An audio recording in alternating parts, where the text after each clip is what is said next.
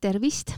järje, tere tulemast järjekordsesse taskuhäälingu saatesse. õhus on uudiseid Aivar Sõerd ja rahandusminister Mart Võrklaev. Siim Kallas on selle saate salvestuse ajal Brüsselis, seetõttu juhin mina saadet ja, ja olen saanud kutsuda kaks külalist. aasta on lõppenud äsja alles rahanduse mõistes, et veebruari algul saadakse siis esimesed kokkuvõtted maksulaekumistest, kuna maksudeklaratsioonide tähtajad on hiljem ja veidi läheb Maksuametil aega ka nende kokkuvõtete tegemise jaoks. nii et äh, Mart Võrklaev, sa oled ülevaadet vaadanud, äh, kuidas lõppes eelmine aasta ja kõigepealt tere ja, ja rõõm on Anneli su juures siin olla. Eh, noh, kuidas ta lõppes, et eh, kui me vaatame defitsiidi numbrit, siis jõudsime miinus kolme eh, peale, et et eelmisel aastal need prognoosid siis eelarvet tehes ja, ja ka siis hiljem juba suveprognoosi pealt näitasid meil väga erinevaid numbreid, aga, aga miinus kolm protsenti oli see lõpptulemus, kui vaadata nüüd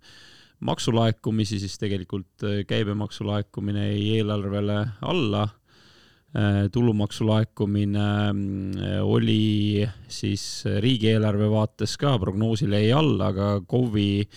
laekumine tõstis selle siis üles, et millest riik seal eeskätt kaotas, oli just tulumaksuvaba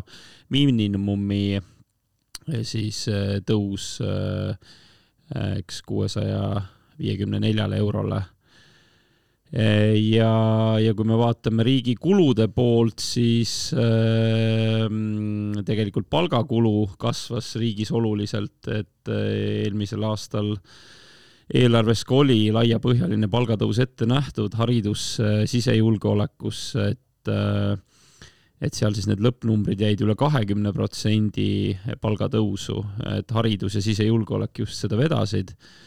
ja kogu siis avalikus sektoris palgatõus kuskil seal äh, seitseteist protsenti. Ja üldiselt jäi see palgatõus äh, siis kümne protsendi juurde, et kui neid numbreid siis vaadata ja vaadata ka riigi kulude poolt, et kui mul nüüd peanumbrid mälus ei eksi, siis riigi tegelikult kulud tõusid seal ligi kahe miljardi juurde, sest et eh, ka pensionid suurenesid seal, sealjuures. ehk et eh, kahe miljardi võrra siis, ehk et eh, kui me vaatame koondtulemust, siis tegelikult kokkuvõttes võib öelda, et riigi kulud on väga kiiresti kasvanud ja, ja, ja noh, seal on mitmekülgseid kulusid, et nii nagu on need pensionid või on need palgakulud ja just õpetajatele, päästjatele kes, eh, kelle palgatõus on eh, väga tihti ühiskonnas oodatud justkui ja, ja ka vajalik. teisalt maksulaekumised ikkagi ei tulnud nii head, kui me lootsime. ehk et riigieelarve vaates ütleks mina, et meil on jätkuvalt väga tugev struktuurne probleem, kus me kulutame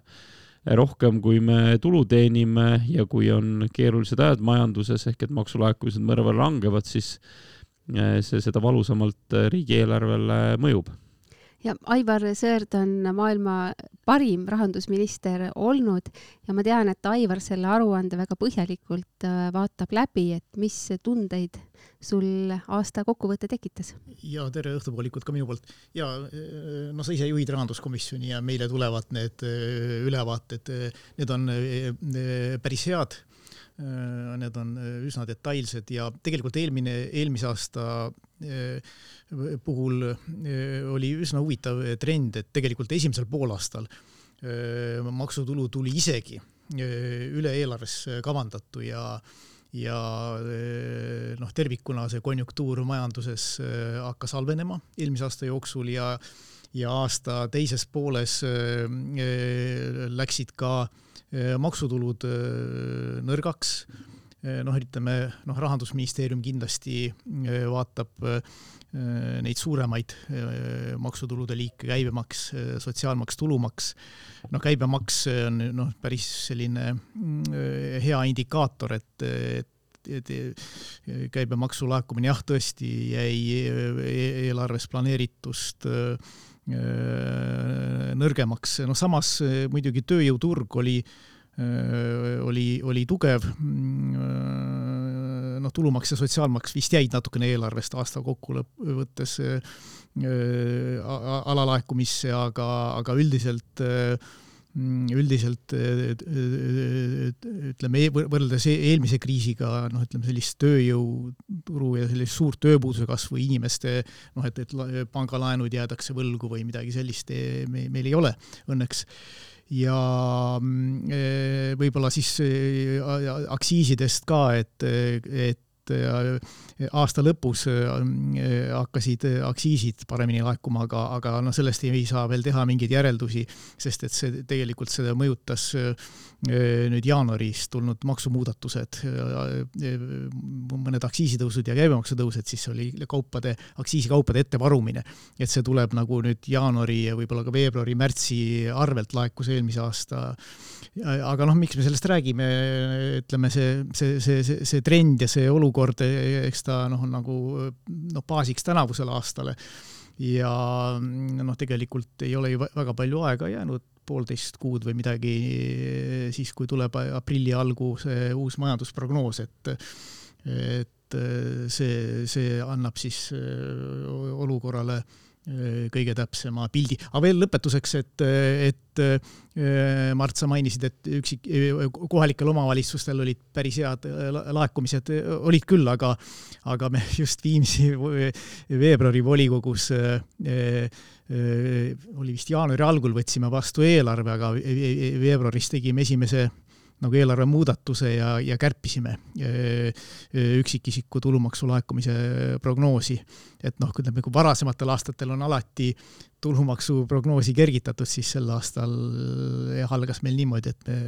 natukene, natukene kärpisime üksikisiku tulumaksu prognoosi Viimsi vallas mm. -hmm nagu mõnikord küsitakse, et kas see on ikka hea, kui Riigikogu liikmed on kohalike omavalitsuste volikogudes, et järsku nad kuidagi kohalikku demokraatiat lämmatavad, siis ma arvan küll, et praegu siin Aivari viimasest viitest äh, tuligi välja see, et tegelikult on hea, et äh, Riigikogu liikmed osalevad ka kohalike omavalitsuste volikogude töös, sest niimoodi tuleb kõige värskem ja adekvaatsem pilt äh,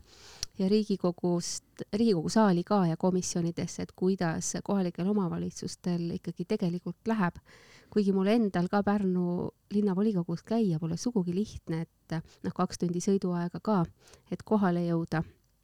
aga ma siis äh, tõstatan ühe teema veel, mis meil fraktsioonis alati tekib, kui äh, nüüd äh, ütleme, maksu või siis eelarve tasakaalu prognoos ei ole päris täpne, et me eelmist, eelmise aasta, kahe tuhande kahekümne kolmanda aasta eelarvet vastu võttes ju võtsime ta vastu neljaprotsendilise defitsiidiga, aga nüüd on kolm protsenti defitsiiti ja siis meil äh, näiteks Andres Sutt on alati noomib prognoosijaid, et kuidas te nii ebatäpselt prognoosite, et kuidas te ei oska prognoosida. ja praegu ma vaatan siin, et maksude sotsiaalkindlustus on üheksakümmend kaheksa koma üheksa protsenti täpsusega, sotsiaalmaks üheksakümmend üheksa koma seitse protsenti ja ma ei tea, muud maksud üheksakümmend üheksa koma seitse protsenti. et äh, tegelikult noh, vähem kui üks protsent on, on viga, et äh, Aivar, ütle noh, kõrvaltvaatajana, noh, Andres või Mart peab muidugi kaitsma oma prognoosijaid Andrese kriitika vastu, aga, aga Aivar, kas sina oskaksid nagu aastat täpsemini pro, noh, prognoosida kui üks protsent? noh, siin on mitu aspekti, et tegelikult eh, aasta esimesel poolel eh, oli pilt selline, et, et maksutulud laekuvad üle ja noh, tegelikult vot see Andres Sutti sa mainisid, et noh, no meil ka fraktsioonis on. Neil on tulised vaidlused. ja in, noh, inimestel on hoiakut, Andres on selline natukene optimistlikum, positiivne, mõni on natukene et, ettevaatlikum ja, ja, ja pessimistlikum tuleviku suhtes, aga, aga mis, mis huvitav, mida Andres nagu välja on toonud, on see võrdlus eelmise kriisiga. et see üle globaalne finantskriis, mis meil oli kaks tuhat kaheksa, kaks tuhat üheksa, siis oli, oli, oli majandus languses, aga ka nominaalselt, nominaalselt numbrid olid miinuses. tegelikult praegu ju nominaalselt ju ju, on ju, on ju kasv ja riigieelarve tulud laekuvad ka ikkagi selle nominaalse kasvu järgi, et sellepärast vot nüüd seesama üheksakümmend üheksa protsenti et tegelikult aasta esimeses pooles oli trend, et tulud laekuvad üle. aga see pöördus see trend ja, ja noh, ülelaekumise asemel tuli väike alalaekumine ja et kui siin nüüd äh, võib-olla analüütikuid, nagu sa ütlesid, peab kaitsma, et tegelikult äh, minu meelest äh, see kogemus, kuigi pole väga pikk äh, rahandusministrina ja ka elu on näidanud, et punkt üks, et kriiside ajal muidugi analüütikud ise ka ütlevad, et viimased aastad on ülikeerulised prognoosida, sellepärast et äh, mitte miski ei ole päris nii, nii nagu nii-öelda äh, sihuke stabiilses keskkonnas võiks äh, asjade muutumist äh, siis oodata, et see teeb kindlasti keerulisemaks. aga teisalt, äh, mida analüütikud üritavad minu meelest vältida ja tegelikult üksteist tasakaalustavad, on see, mida Aivar hästi ütles, et nagu meil fraktsiooniski on, et kes on nii-öelda positiivsemalt meelestatud ja kes siis natukene negatiivsemalt või pessimistlikumalt. ja siis, äh, kui me selle järgi hakkaks nüüd äh, poliitikutena prognoosi kokku leppima ja sinna juurde tooks veel selle poole, et, et noh, alati tahaks rohkem teha ja, ja, ja kulutada, et siis võib asi uppi minna, et minu meelest need eh, prognoosid eh, päris hästi tasakaalustavadki ära sellise kellegi optimismi, kellegi nii-öelda negatiivse nägevuse, et, et ollakse suhteliselt pragmaatilised, sinna elu igal juhul sekkub ja oma korrektuurid teeb. aga ma arvan, see on üks põhjus, miks äh, miks on äh, see nii kokku lepitud, et me eelarvet äh, ikkagi teeme analüütikute poolt tehtud majandusprognoosi vastu, et meile ei või, ei pea see meeldima tingimata, see prognoos ja meil võib olla tunne, et, et kas üks asi on positiivsem negatiivsem, aga see lühike kogemus on mulle küll näidanud, et, et mõni asi lähebki natuke paremini ja teine asi läheb natukene halvemini ja kokkuvõttes need enam-vähem tasakaalustavad seda ära ja siis tulebki see prognoos üldnumbrina kokku aga, aga kui me sealt äh, siis äh, vaataks ainult nii-öelda neid, et, et positiivseid asju ja, ja, ja ütleks, et, et tegelikult läheb palju paremini, kulutame rohkem, siis võib see, see probleem kokkuvõttes olla äh, suurem, ehk et ma olen ikkagi jah, väga seda nii-öelda prognoosi usku, mis on analüütikute poolt tehtud ja eks poliitikud peavad selle vastu seda eelarvet kokku panema ja vaidlema. loomulikult tahaks otsida seal vahepeal neid lihtsamaid teid, aga, aga ei ole võimalik see. Ma tahan võib-olla siin kuulaja jaoks veel öelda, et miks eelarve äh, tasakaalu siis kas defitsiit, noh, viimastel aastatel on olnud, on äh, Riigikogus nii oluline, et kui me seame endale selle, noh, eesmärgi eelarvet tehes, et kas eelarve on null, äh, null tasakaalus defitsiit on null või on ta miinus kolm või miinus äh, kaks koma viis, siis see üks protsent on praegu umbes nelisada miljonit. Ja see nelisada miljonit äh, nagu tasakaalu suunas maksudega kokku koguda, et see on see raske küsimus, mida Riigikogu noh, ei taha kuidagi teha, et me kõik teame, et inimestele ei meeldi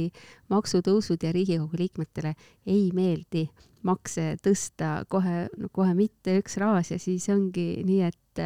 et tekib see küsimus, et, et järsku finants, finantsanalüütikud on prognoosinud tulusid liiga vähe ja näed, nüüd meie peame makse tõstma ja, ja pärast, kui, kui laekub üle, siis noh, me ütleme, et näed, ilmaasjata tõstsime makse, aga praegu me sellest kaalutlusest oleme nagu väga-väga kaugel, et see, see on ka selge. aga just selle koha peal on see kaalutlus, et järsku ei peaks makse tõstma, et olemasolevad maksud täidavad eelarve, aga noh, praegu kohe sugugi ei täida. jah, ma igaks juhuks ütlen seda ka, et minister äh, ka ei ole maksutõusude fänn, kuigi võib olla jäänud äh, teine mulje avalikust arutelust, aga, aga see on just see, mida sa, Anneli, hästi seletad, et äh, et kui me oleme riigina võtnud endale hästi palju kulusid peale, siis tegelikult ja aastaid ei ole räägitud sellest, et mis need tulud sinna vastu on, et raha tuleb eelarvest ja meil on maksurahu, et see põhimõte on väga pikalt olnud ja vahepeal on ikkagi noh, lihtsustatult öeldes tervishoidu üks protsent SKP-st, kaitsesse üks protsent SKP-st ja ja siis äh, oleme veel saanud juurde la, intresse äh, ligi üks protsenti SKP-st, kui vaadata nüüd paar aastat ettepoole äh,. ja, ja nii see kolm protsenti SKP-st ja, ja tegelikult midagi oli seal veel niimoodi, et kokku isegi tuli neli, aga mul kohe praegu ei meenu, et mis see mis see nii-öelda neljas suur oli, aga et hästi lihtsalt on need kulud peale tulnud ja nüüd täpselt nii, nagu sa ütled, et nelisada miljonit maksutõuse, et, et siin kui jämedalt võtta, siis äh, tähendaks äh, kaks protsenti tulumaksu ja kaks protsenti käibemaksu justkui, et, et, et iga protsent sealt sada kakskümmend miljonit umbes toob. et, et see on päris keerulised otsused jah, ja valikud mm. -hmm. Aivar, kas sa kuulasid presidendi kõnet ka ja mis sulle seal silma jäi, et presidendilgi oli üks peatükk majandusele ja maksudele pühendatud? jah, seal äh, kõnes äh, pidi olema ka see majanduse osa ja seal oli siis, äh, tuli esile eelarvestrateegia, et no selles mõttes on muidugi presidendil õigus, et, et kogu selle, ütleme, majanduskeskkond ja, ja ettevõtjad et noh, neid, neid huvitab kõige rohkem selgus ju. et, et, et ole, tulevik oleks ennustatav, et äh, poliitikad äh, oleksid ennustatavad äh,. see on investoritele ja ettevõtjatele väga oluline ja ja noh, me oleme äh, globaalses konkurentsis. Äh, riigid ju äh, omavahel konkureerivad investeeringute ja, ja töökohtade äh, pärast. Ja investorid noh, isegi, isegi mm, noh, vaadates, vaadates Euroopas ringi, ega meie maksukoormus ei ole ju kõige kõrgem, et aga samas jällegi meie piirkonnas äh, Läti ja Leedu noh, jällegi need, need äh, on, on need riigid, kellega me ju konkureerime otseselt. noh, Soomes on maksukoormus äh, kõrgem muidugi kui Balti riikides. aga, aga selles mõttes jah, et, et, et, et need küsimused tuleb lahendada sest et ei saa olla niimoodi, et finantsplaan noh, on nagu sisustamata, et et seal on jah, mitu aspekti, üks on see nelisada miljonit eurot, aga aga siis on ju ka veel kärpeplaan ju tegelikult, noh, mida nulleelarve või eelarve revisjoniks nimetatakse, et et selle, see on vaja ju ka konkreetsete tegevustega ära täita, nii et Mm, jah, riigil, riigil peab olema noh, terviklik äh, finantsplaan, et, et see see annab nagu invest-. ma ei hakka teie käest nüüd siin küsima, et me oleme praegu Reformierakonna õdusas stuudios, et noh, minu arvat-, minu jaoks on see küsimus alati, et kas paks või, või õhuke riik et meie oleme siin reformierakondlased ja liberaaldemokraadid on teatavasti, usuvad kodanike tarkusesse ja arvavad, et riik peaks olema õhuke, aga siis teisest küljest meie eeskujud on, on Soome, Rootsi, Taani, kes on tegelikult äh, niimoodi paks riik, kõrge maksukoormus, kõrged äh, sotsiaalkulud noh, me tahame, et oleks kõrged sotsiaalkulud, suured investeeringud haridusse, kultuuri, teadusesse ja teisest küljest tahame, et, et see maksupool oleks õhuke, et maksud oleks madalad ja noh, seal vahel see eelarve defitsiit siis ongi, mida siis president ütleb, et noh, see ei saa nii jääda, et me jõuame väga kiiresti äh, Euroopa kolmeteistkümne aastaga Euroopa Liidu siis Maastrichti kriteeriumine kuuekümne protsendini SKP-st väga kiiresti ja kui me samas tempos kasvame, siis oleme varsti sealmaal, et äh, tänased lasteaialapsed siis äh, ei saagi muud oma tööst kui vanemate võetud laenude intresse maksta. et see on, et me peaksime ikkagi nagu ära otsustama äh, ja võib-olla siis Eesti valijad peavad ka need, kes näiteks praegu demonstreeri-, demonstratsioonidel osalevad automaksu vastu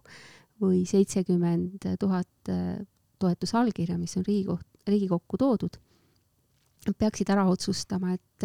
kas me tahame siis õhukest või, või, või paksu riiki. ja me peaksime ka mõtlema, et, et mitu protsenti maksukoormus on siis meie jaoks see õhuke või piisavalt õhuke. Et ma kindlasti ei nõustu nagu finantsistina selle väitega, et, et Reformierakond on, on makse tõstnud üldiselt ja ma ka ei nõustu sellega, kui öeldakse, et peaminister ütles, et lugege minu huultelt, maksud ei tõuse, et see oleks olnud vale. et niikaua, kui Eesti maksukoormus on alla kolmekümne nelja protsendi, et nii kaua noh, on see tõsi, et meie maksukoormus on püsinud alla kolmekümne nelja protsendi terve paarkümmend aastat sellel aastatuhandel, aga see, et makse niimoodi liigutatakse, et seda summat, mis ühiskonna lisandväärtusest kokku kogutakse, et seda kogutakse erinevalt vastavalt ühiskonna arengule või, või ka ütleme, tunnetusele või ühiskonna visioonile, et näiteks energia peab minema puhtamaks või autod peavad vähem saastama. see on kõige normaalsem ühiskondlik kohanemine, mis, mis nagu üldse saab olla. et neid makse liigutatakse teatud piiri all, küsimus on selles piiris, et noh, kus on see piir, mis Eesti ühiskonna jaoks on, on siis õhuke riik, mida nad siis peavad eh, mõistlikuks, eh, lisand, et riik lisandväärtusest siis kogub ühiste kulude katteks. et on teil, on teil, noh, minul, ma olen vaadanud seda, et ajalooliselt on ta olnud alla kolmekümne nelja protsendi, see on Euroopas madalama veerandi sees, noh, see tulupool. Jah, sellel tasemel või isegi veidi väiksemal tasemel on ju Läti-Leedu maksukoormus ka, ega me, me, nemad, nemad muidugi koguvad äh, maksusid natukene kehvemini, meil kogutakse paremini maksud kokku, sellest ka äh, sõltub äh, maksukoormuse arvutus. aga nüüd noh, mis, mis, mismoodi sa nüüd küsisid, et paks või õhuke riik, et et noh, üldiselt ikkagi üldiselt ja, ja, ja, ja, ja pikalt ikkagi üle jõu elada ei saa. et, et ja, ja, ja tuleb vaadata, noh, milleks, milleks seda laenu võetakse. et kui, kui, kui laenuraha läheb investeeringuteks, tootlikeks asjadeks, infrastruktuuri noh, kus on tõesti vaja korraga suur summa välja käia ja, ja tulu tuleb tulevikus tagasi nendest investeeringutest, siis on laen läinud õigesse kohta. Aga kui see laenuraha lihtsalt ära kulub, noh, veel hullem, kui ta läheb sotsiaaltoetuste maksmiseks või, või avaliku sektori palkade maksmisest, siis, siis see ei ole hea. Ja äh, noh, ütleme suurusjärgus äh, miljard, miljard laenu, mis see tähendab, see tähendab seda, et igal aastal tuleb maksta äh,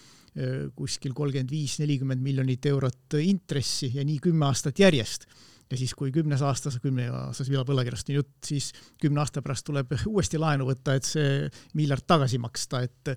noh, sel aastal vist rahandusministeeriumi enda number oli, et laenuvajadus on,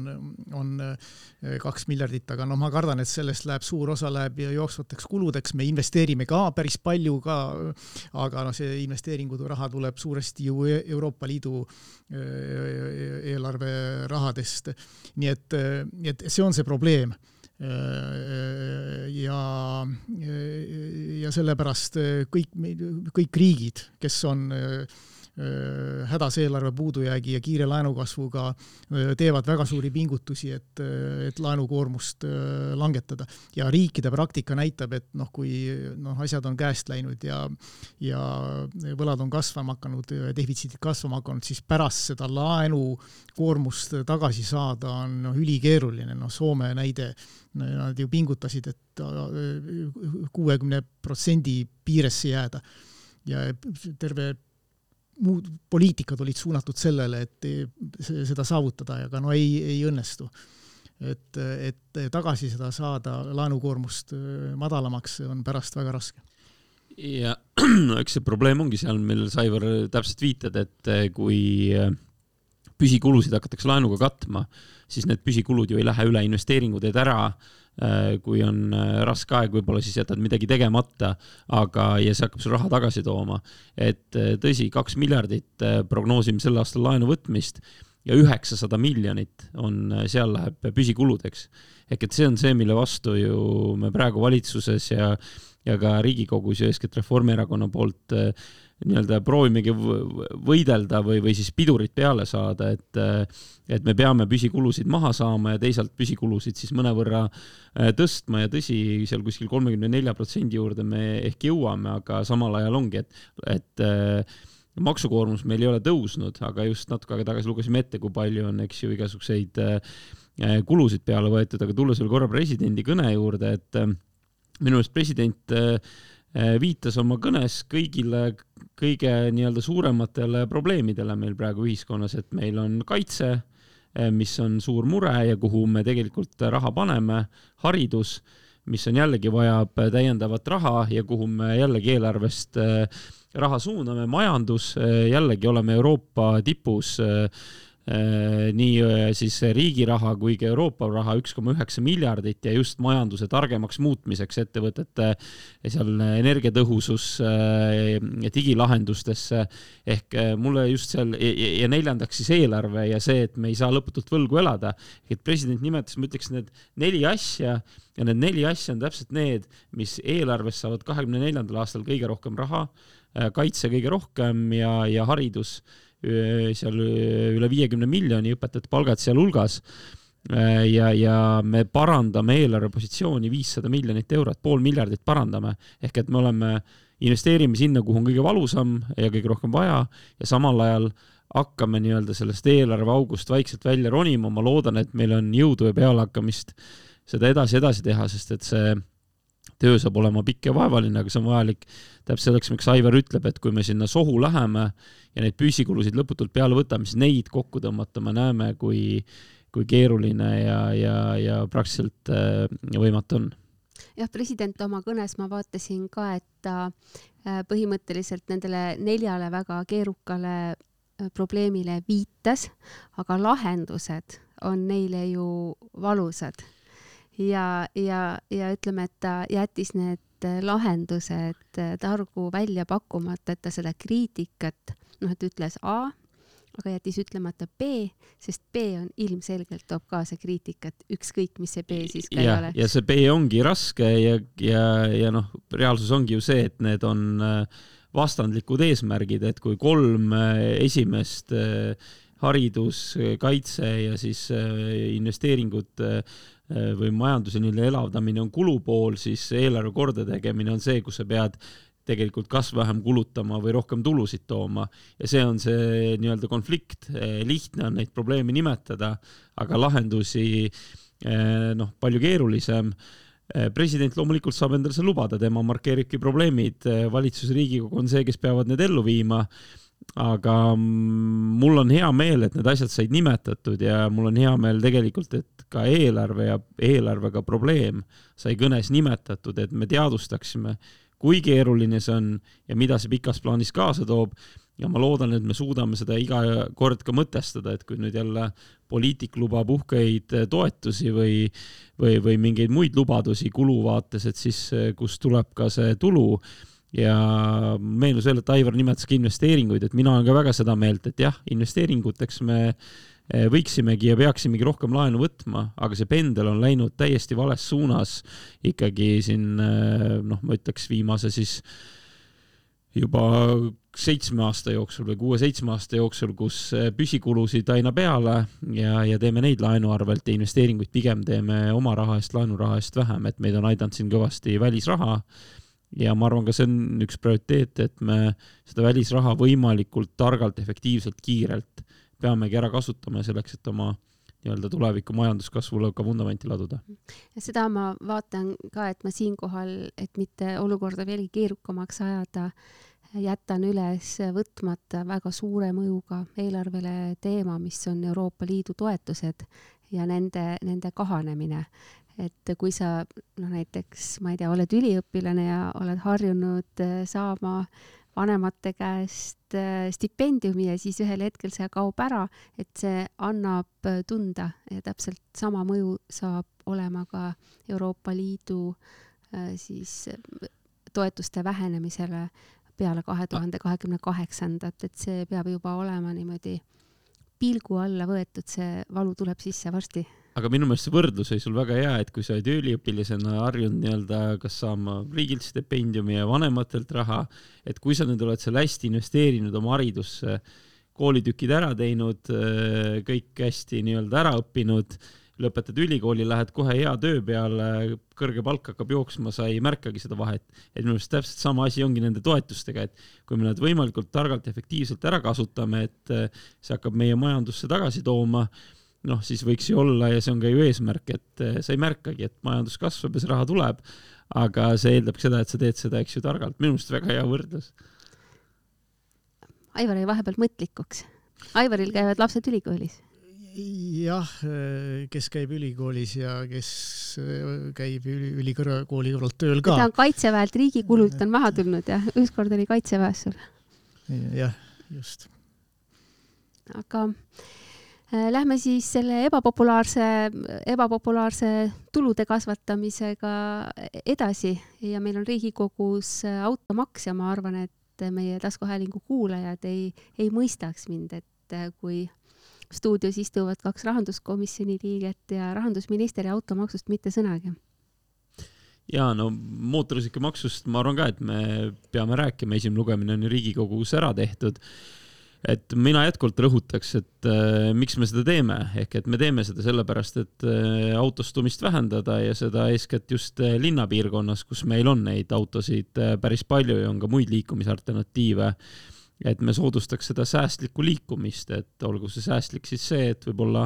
ma mõtlengi, et kas mul on vaja mitut autot, kas ma saan võib-olla vähem äh, siis saastavama ehk et ka vähem kütust tarbida, vastu vahetada selle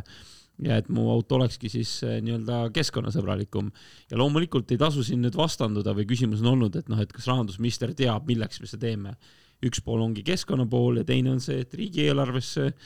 tuua täiendavaid vahendeid ja sellest, miks meil riigieelarvesse vaja täiendavaid vahendeid tuua on, sellest me rääkisime. et äh, ma olen isegi mõelnud, et noh, et, et sama hästi, kui sa küsid, et miks meil aktsiis on, et kumb ta nüüd siis on, et kas ta on nii-öelda äh, näiteks alkoholiaktsiis, et kas ta on selleks, et äh, tervisekahjusid vähendada või selleks, et riigieelarvesse raha tuua.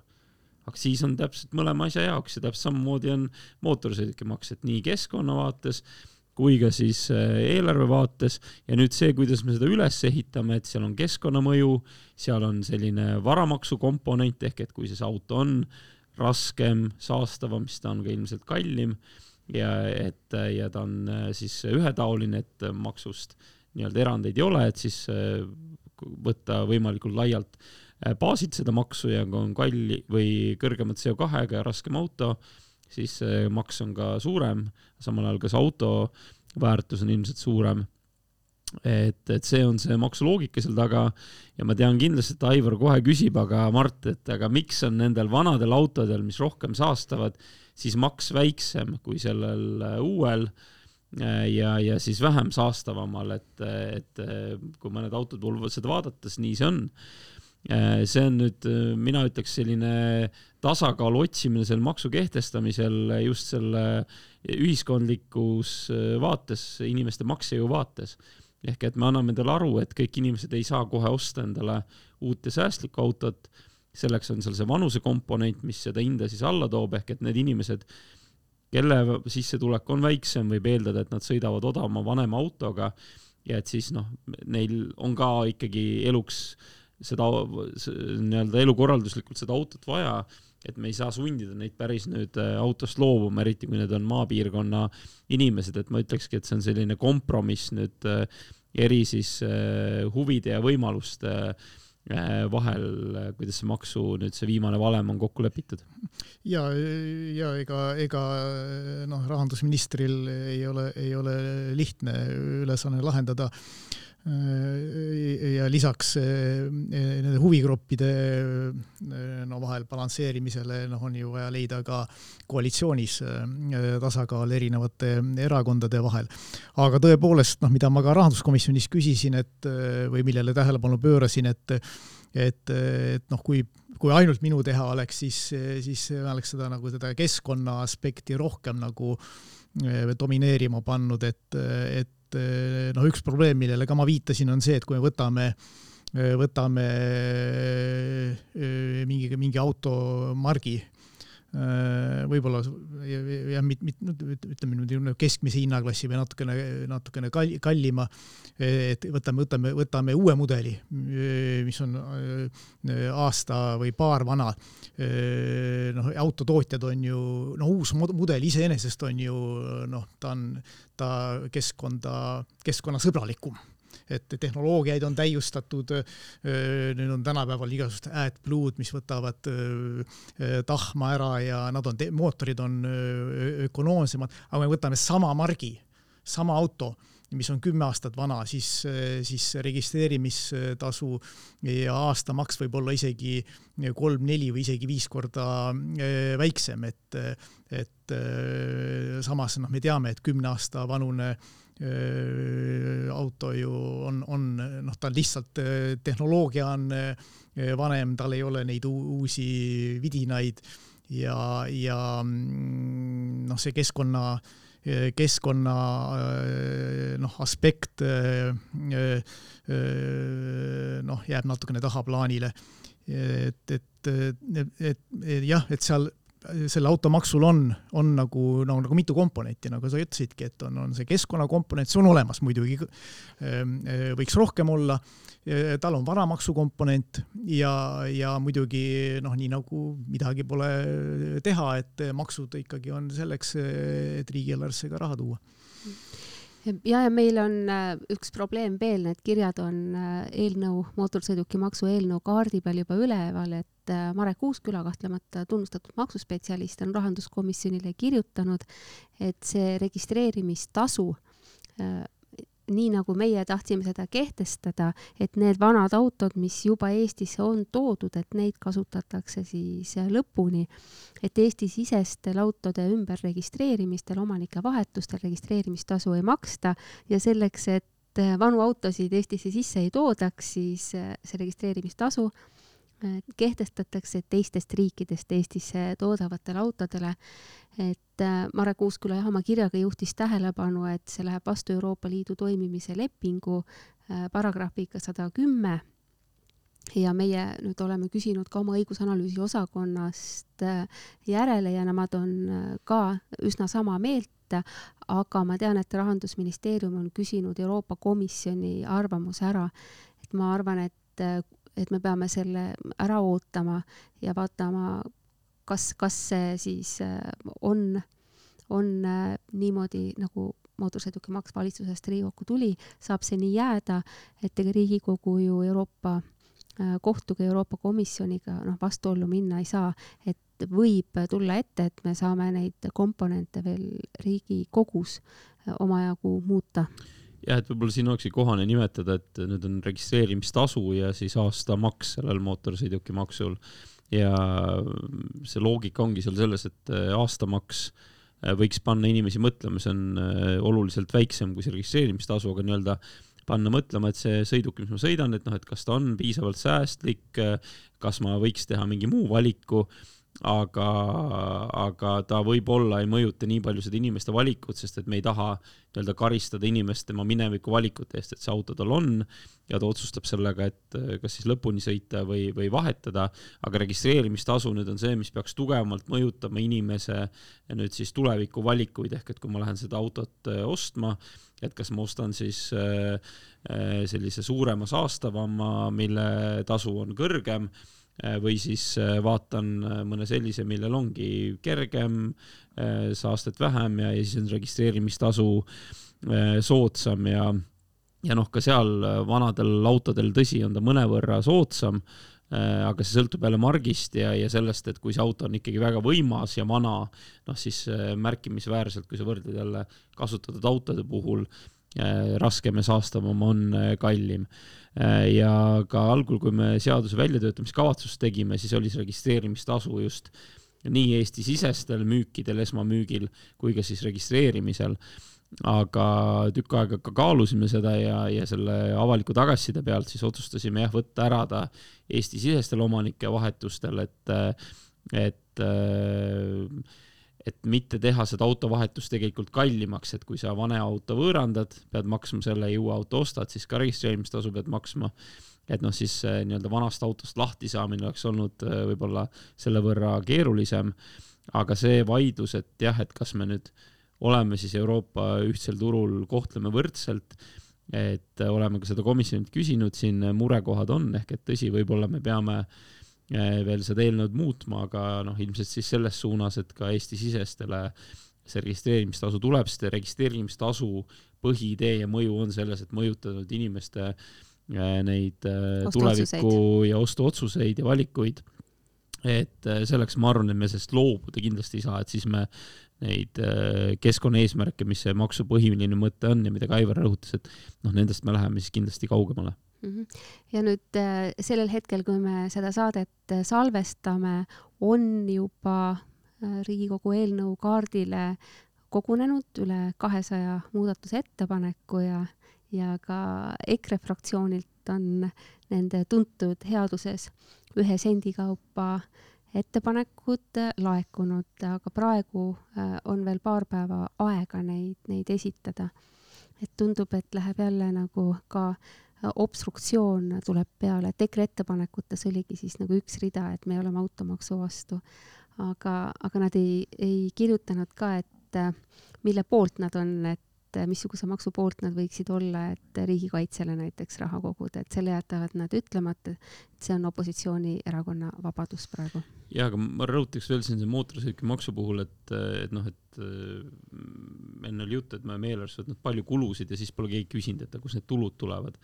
et, et noh, kahjuks need peavad lõpuks maksudest äh, tulema ja samal ajal me näeme, et meil on äh, ühistranspordis äh, me kogu aeg kuuleme, et raha on puudu, sel aastal paneme üle neljakümne miljoni lisavahendeid selleks, et seda liikuvusreformi teha. ma loodan, et, et Madis Kallase poolt saab see põhjalikult ette valmistatud ja et me päriselt ühistransporti parandame, aga teine pool on meie teede investeeringud, mis on äh, tegelikult aastate kaupa kärbitud just sellesama vaates, et äh, raha on eelarves puudu. äh, igasugusteks toetusteks, võib-olla palgatõusudeks paneme ka raha juurde, võtame laenu ja investeeringuid tegelikult kärbime, et see lihtsalt ei ole jätkusuutlik. ja nüüd, kui me seda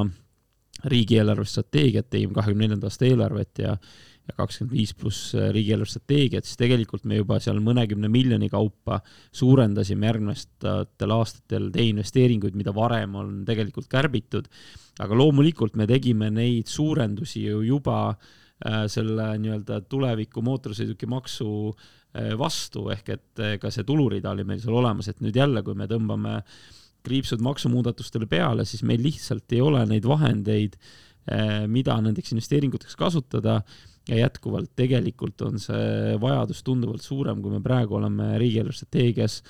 arvestanud, ehk noh, minu meelest üks selline äh, korralik mootorsõidukimaks, mis toob riigieelarvesse vahendeid, mis motiveerib kasutama säästlikumaid sõiduvahendeid, teeb meie õhu puhtamaks eh, ja, ja, ja, ja, ja keskkonna puhtamaks, siis, eh, siis noh, on ka üks tulumeede, millest päriselt neid vajalikke investeeringuid äh, praegu ja tulevikus äh, rahastada. no ilmselt aitaks veel mootorsõidukimaksu selgitada rahvale ka see, kui oleksid nüüd kultuuriministri määruse eelnõu, et mismoodi ta näeb ette nende siis museaalide või, või siis äh, mis need, kuidas need autosid nimetatakse, uunikumide maksusoodustusi. Ja ma tean, et et äh, sotsiaalhoolekandeministril on äh, siis mõttes määrus, kuidas äh, puuetega inimestele hüvitada, et need määrused nagu võiksid olla ka juba selle automaksu ähm, siis eelnõu juures, siis oleks võib-olla nendel automaksu subjektidel, autoomanikel nagu veidi, veidi rahulikum. jah, eks neid asju tegelikult teistpidi tuleb ju teha paralleelselt, sest et kui üks seadus, mootorsõidukimaksu seadus ei ole valmis, siis on ka raske öelda, et noh, millist osa me nüüd sealt kuidas siis äh, nii-öelda teiste õigusaktidega kas kompenseerime või leevendame, et, et selles mõttes ma arvan, selline paralleelne tegutsemine on, on väga mõistlik ja sotsiaalkaitseminister on siin tõesti väga korraliku paketi töötanud välja äh, puuetega inimestele ja see on kenasti ka juba kirja pandud ja läbi räägitud, mhm. tõesti vajab veel siis nagu jõustamiseks äh, nii-öelda noh, vormistamist aga mootorsõidukimaksu seaduses äh, maksuvabad on nüüd erikohandatud autod puuetega inimestele, aga muuhulgas siis raske ja sügava puudega inimestele Eh, olemasolevate toetuste raames neid toetusi suurendades selline aasta täiendav toetus on vahemikus kuskil sealt kahe poolesajast eurost kuni kuuesaja euroni. Ehk et igal juhul ta katab ära äh, selle inimese äh, mootorsõidukimaksu, aga mis on kõige olulisem minu meelest ka selles debatis, mis on olnud, et et puudega inimestel on vaja liikuda sõltumata sellest, kas tal on auto või tal ei ole autot. Ja mõned neist ei saagi autot omada, pole äh, võib-olla võimalust omada. Ja küsimus on, et kas peab tingimata olema auto, et on ka muid liikumise võimalusi kas siis invatransport, tellida takso, mis, mis iganes inimesele parimini sobib. ehk et see nii-öelda leevendav meede on just rõhuga puudega inimeste liikuvusele ja liikuma saamisele, sõltumata sellest, kas tal on auto. ja minu meelest seal on Signe Riisalu väga head tööd teinud. ja teine on tõesti need äh, museaalid, uunikumid, et äh, seal on kultuuriministriga, me oleme seda arutanud peaks tulema meede, et kus siis need museaalid ja uunikumid, mis on nüüd avalikkusele kättesaadavad muuseumis, näitusel, ehk et nii-öelda Eesti inimesed saavad ka avaliku hüve peal, nüüd olgu me need meie külalised nendest, et neid vaadata, on avalikult kättesaadavad, siis riik läheb, kompenseerib selles ulatuses selle maksu, kui on soov hoida mobiautot garaažis, kodus, teistele ei näita, siis see on ikkagi erahuvi ja noh, siis tuleks selle eest maksta aga jällegi seal tuleb ka see vanuse komponent, et kui need vanad eh, nii-öelda uunikumid on üle kahekümne aasta vanad, siis aastamaks on viiskümmend eurot, et noh, see on ka jõukohane, aga muuseumitele tõesti on mõeldud nii, et muuseum maksab selle ära, kultuuriministeerium selle siis kompenseerib, eeldusel, et need autod on avalikkusele nähtavad ja ja see väärtus, siis ajalooline väärtus, kultuuriväärtus ka nii-öelda kättesaadav mul on ka üks äh, uunikum auto ja kui tuleb valimiskampaania, siis ma panen sellele suured pildid peale ja ta läheb avalikkusele vaatlemiseks Pärnu, Pärnumaa tänavatele, et kõik juba teavad seda autot. jah, aga kui veel võib uunikum, mul on ka kass kuuskümmend üheksa, sõidan ise muuseumisse ei vii, järelikult maksan viiskümmend eurot, aga nüüd teine näide on siin see, kus öeldakse, et oot, aga nüüd tuleb see maks peale ja siis ma loobun sellest autost, mis ma oleks muidu korda teinud või viin romulasse, et mingi väärtus jääb ei jääb..., selle viiekümne euro eest ma küll ära ei anna. ja vot, aga siin ongi see, et mul on ka Willis, mis mul on kindlasti maksan ja sõidan, siis mul on veel vana maanteemuhk ja seal ma tõesti hakanud mõtlema, et aga ta on mul seal viisteist aastat või rohkem kuuri all seisnud. et äkki ma ei tee teda korda, et kas ma seda viitekümmet eurot olen nõus ta eest maksma või mitte ja ma olen tabanud seda mõttelt, aga võib-olla ongi, et ma ei taha seda viitekümmet eurot maksta, võib-olla äh, eeldusel just, et äkki mul ei ole jaksu seda korda teha. siis ma müüngi ta maha ja see auto saabki nii-öelda uue elu selle juures, eh, kellel on äh, nii-öelda tahtmist, äh, tahtmist on mul ka aga võib-olla ka aega ja ressurssi see korda teha, uuele elule puhuda. ehk et mina ütleks, et mitte me ei Äh, nii-öelda kuidagi ei hal-, ei, ei tee kehvemaks seda väärtuslike autode olukorda, vaid ma arvan, nii mõnigi see nii-öelda vana auto võib saada tänu sellele just uuele elule, et, et sa küsid enda käest, et see viiskümmend eurot on niisugune paras kaalumise koht. Mhm. ma, meil äh, Eestis käis eelmise aasta lõpus külas üks rahandusdelegatsioon äh, Saksamaalt, ma tean, sina kohtusid Kristjan Linderiga, Saksa rahandusministriga, mina kohtusin nende siis eelarve valdkonna inimestega Bundestagis. Ja neil on ka üks selline teenekas äh, eelarve äh, inimene nagu meil Jürgen Ligi üheksakümnendatest aastatest Riigikogus eh, Bettiina Haagetorn. Ja ma kurtsin temale muret, et näed, et meil on vaja automaks eh, või mootorsõidukimaks kehtestada, aga Eesti inimesed väga armastavad oma autosid ja kuidagi, kuidagi see, see mootorsõidukimaks on nii, nii ebapopulaarne. siis ta hakkas naerma, et sa ei kujuta ette, kuidas sakslased oma autosid armastavad, oma Mercedeseid, Audisid. Ja, aga nad maksavad nende eest ka, sest nad armastavad neid nii väga no võib-olla selle põhimõttega peaksime ka edasi minema mootorsõidukimaksu. see oli selline jah, ta, ta nagu, ta nägu vajus laiale naerule, et kas sa, et kas sa tõesti ei kujuta ette, kui tähtsad on autod sakslastele, aga nad maksavad nende eest. aga kui nüüd veel äh, siin hakata kokku võtma saadet, siis äh, Euroopa Parlamendi valimised on tulekul ja ma käisin paar nädalat tagasi Euroopa nädalal. ja äh, ütleme, ma arvan, et rahanduse seisukohalt on, on üks asi, mis Euroopa Parlamendi valimistel tasub tähele panna ja, ja, ja kõne all hoida, et millest me oleme rääkinud eelarvereeglitest, et Eesti on alati siis tasakaalus eelarve ja nende eelarve piirmäärade eestkõneleja olnud. meil on endal väga raske ennast nendesse Maastrichti kriteeriumitesse sisse mahutada, aga noh, aga pingutame selle nimel ja, ja, ja see on meie eesmärk, mida me kaitseme Jürgen Ligi, muidugi üks seltskond ärritas täiesti, sest Euroopas on sotsiaalne harta ja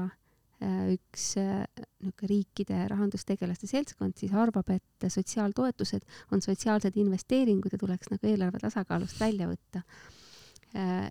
Et selle, ütleme, vastu me peaksime kindlasti olema. et ma olen kuulnud seda ikka ja jälle,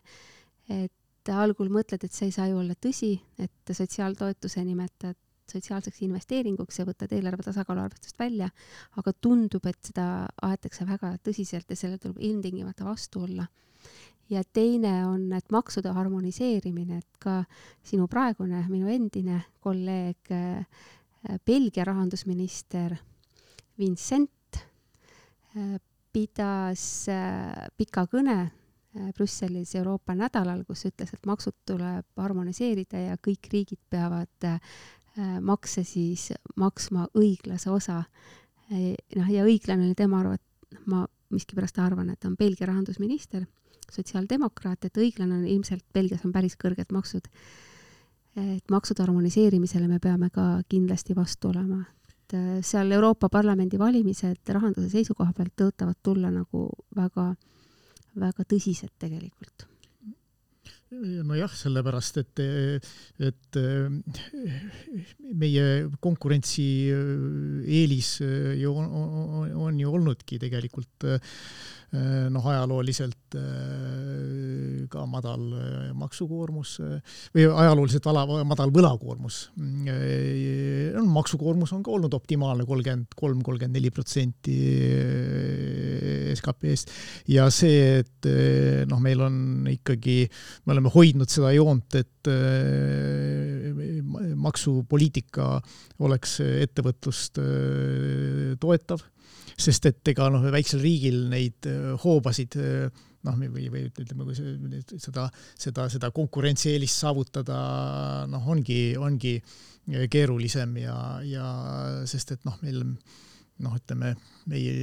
ütleme, ütleme ühendused ja meie ja geograafiline kaugus. asukoht ja, asukoht. praegu lisandunud need geopoliitilised Kaitse. riskid, et et, et, et ega me, ega neid instrumente, mida, millega nüüd nina vee peal hoida. jah, et ega neid, maksupoliitika on üks nendest ja, ja kui, kui noh, me oleme ikkagi äh, lähtunud sellest, et, et äh, liikmesriikidel on noh, siin ikkagi vabadus kasvõi äh, ettevõtte tulumaksumäära või ette tulumaksusüsteemi osas otsustada, et, et siis need hoovad peaksid ikkagi riikidele jääma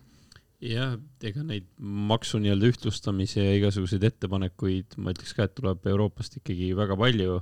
Eesti on siin olnud äh, ja, ja ma arvan, et on ka praegu see, kes tegelikult väga kõvaäärselt ikkagi äh, nii-öelda selgitab ja võitleb selle autonoomia eest, et me saaksime ikkagi ise otsustada ja oma neid nii-öelda mhm. maksukoormusi siin hoida ja, ja oma ettevõtjaid eh, kaitsta ja, ja, ja, ja nii edasi, et eks see võib-olla see ühtlustamise soovid ja need tulevad ju väga palju sealt, et kulud kasvavad, jah, ja, ja, kulud kasvavad. et noh, ma siia Europarlamendi nii-öelda valimiste teema juurde, et kuna me Eestis hästi palju räägime sellest tõhusast riigist ja kokkuhoiust ja, ja tegelikult teeme ka tööd ja näeme, kui raske see töö on, et siis eelarvet tehes, eks sa ise ministrina nägid need komisjonis, et, et kui palju tegelikult tuleb läbi Euroopa õigusaktide neid nii-öelda lukus kulusid peale. IT-arendused, täiendavad töökohad ja nii edasi. ehk et minu ootus küll nüüd ka Eesti nii-öelda parlamendi, Euroopa Parlamendi valitavate saadikute osas on see, et me ikkagi vaataks, et mis on need asjad, mida me peame tegema ja mida me seal Euroopas otsustame, et me ei võtaks endale peale tegelikult äh, aina enam ja enam äh, igasuguseid kohustusi, midagi reguleerida, mingeid andmeid koguda, midagi teha, mis kokkuvõttes meie eelarvekulusid suurendab, et ühe käega me ütleme, et vot, teeme õhemat riiki, hoiame kokku ja teise käega sealt aina tuleb ja tuleb neid kulusid peale, et ühel hetkel saab see lihtsalt probleemiks meie nii-öelda oma riigi jaoks kui ka tegelikult Euroopa Liidu jaoks, kui see bürokraatiamasin lihtsalt niimoodi jahvatab, et seal on vaja sellist kindlat kätt ja kõva, kõva sõna, ma arvan, et öelda, et sõbrad, teeme koos neid asju, mis meie konkurentsivõimet suurendavad, aga ärme võib-olla tee nii palju neid asju, mis meie kulusid bürokraatiale kasvatavad, mhm. et, et see on minu meelest üks ka oluline teema ja noh, kümme aastat on Eesti maksusüsteem olnud maailma parim et meil on lihtsad, selged maksud ja ka maksudeklaratsioonide esitamine on väga lihtne, et Aivar on stuudios, et Aivar eh, on võinud ikka kümme aastat rind kummis käia, et see on väga suur asi, see on väga-väga suur asi. no e-maksuamet tehti üle kahekümne aasta tagasi aga noh, kümme aastat me oleme nagu püsinud äh, mu mälu järgi selles ma maailma parimas. Tax Foundationi edetabelis jah, seda küll. see on OECD riikide ja. koostatud edetabel, see pole mingi nurgatagune asutus, et neljakümne nelja riigi ausas võrdluses. ja lõpetuseks ma tean, et Aivar ja Mart vaatavad ka börsi ja mina vaatan ainult elektribörsi, sest ma laen oma autot, aga suur, suurt börsi vaatab Aivar ja Mart, ma saan aru ka, ja börs veidi ennustab seda ette, mis meil juhtuma hakkab, kuigi võib olla ka vastupidi, et äh, see, mis börsil toimub, sellel on järelmid majandusele, majandus on teatavasti väga emotsionaalne. Jah, ega see noh, globaalne vaade kindlasti tuleb, tuleb ainult kasuks, sellepärast et noh, praegu nagu mingil määral on nagu selline murdepunkt, et eh, ühest küljest eh, keskpank, kõik ootavad ju, et keskpangad hakkavad eh, intressi järk-järgult langetama, noh, mis on majandusele oluline, mis on tarbijatele oluline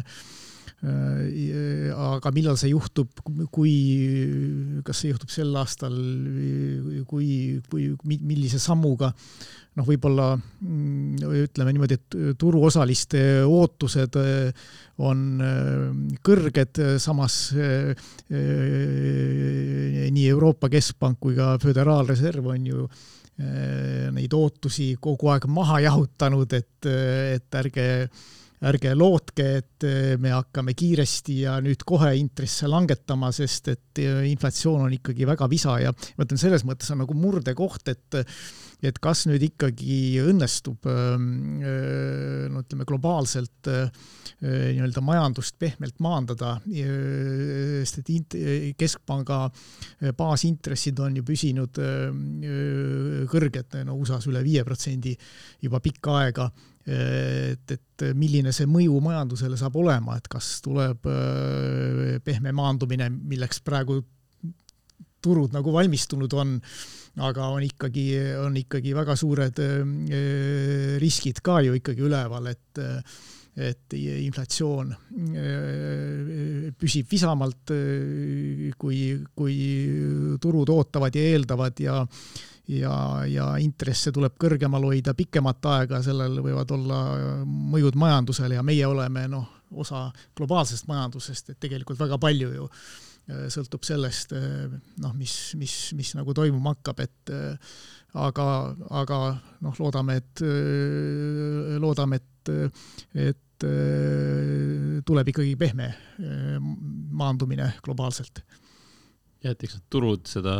optimismi ikkagi praegu veel ju hoiavad või, või, või nii-öelda süstivad, aga, aga teinekord on seda optimismi ka liiga palju ja, ja teinekord võivad asjad väga kiiresti muutuda. ma muidugi ootaks Aivarilt mõnda ostusoovitust ka, et saadet võib-olla põnevamaks teha, ma pean tunnistama, mul viimasel ajal on natukene vähe aega igapäevaselt börsi jälgida, aga aga proovin ikkagi iga kuu mõne ostu nii-öelda teha, et, et nii seda portfelli kasvatada, et, et ma ei tea, mis Aivari viimased ostusoovitused on jah, noh, kui USA poole vaadata, siis noh, ilmselgelt eh, eh, tehisintellektist enam kasu saavate firmade aktsiate, see, see rong on juba läinud, et, et need on. kas seal käib pauk äkki varsti? pööraselt kõrgel juba need hinnatasemed ja seda, seda tehisintellekti eh, mõju on, noh, tundub, et on natuke ülehinnatud, aga no võib, võib-olla on seal, on, on seal ka sisu taga. aga, aga Euro Euroopas võib ju ringi vaadata, sellepärast et noh, kasvõi siin ega meie kohalik äh, turg ja, või, siin lähiriigid äh,, ka Soome on üsna madalseisus ikkagi, sest et äh, sest et on, on, on sektoreid, millel on, on, on hästi läinud äh,, aga, aga on, on, on, on sektoreid, noh, millel ei ole meil ei ole väga roosilised ajad, nii et äh, noh, huvitavad ajad on, ma ütleksin niimoodi. Aivar konkreetset aktsiasoovitust ei anna, aga ma tean, see on alati riskantne, sellepärast et siis minnakse ostma ja pärast öeldakse, Aivar, sina soovitasid ja Mart, sina, sina soovitasid, et et ma pean tunnistama, ma jälgin pankasid ikkagi päris hoolega, tegelikult pankadel on ka päris hästi läinud, et, et on nii, nii mõnigi aktsia üllatanud, et äh, eeskätt ma vaatan Rootsi poole, et seal on, on kenad tootlused tegelikult tulnud võrreldes Covidi ajaga, kui ma, kui ma sealt äh, üht-teist äh, nii-öelda ostukorvi võtma hakkasin. aga head endised ja praegused rahandusministrid, et selline see saade sai, aitäh, et tulite ja kuulmiseni! aitäh, aitäh kutsumast saatesse!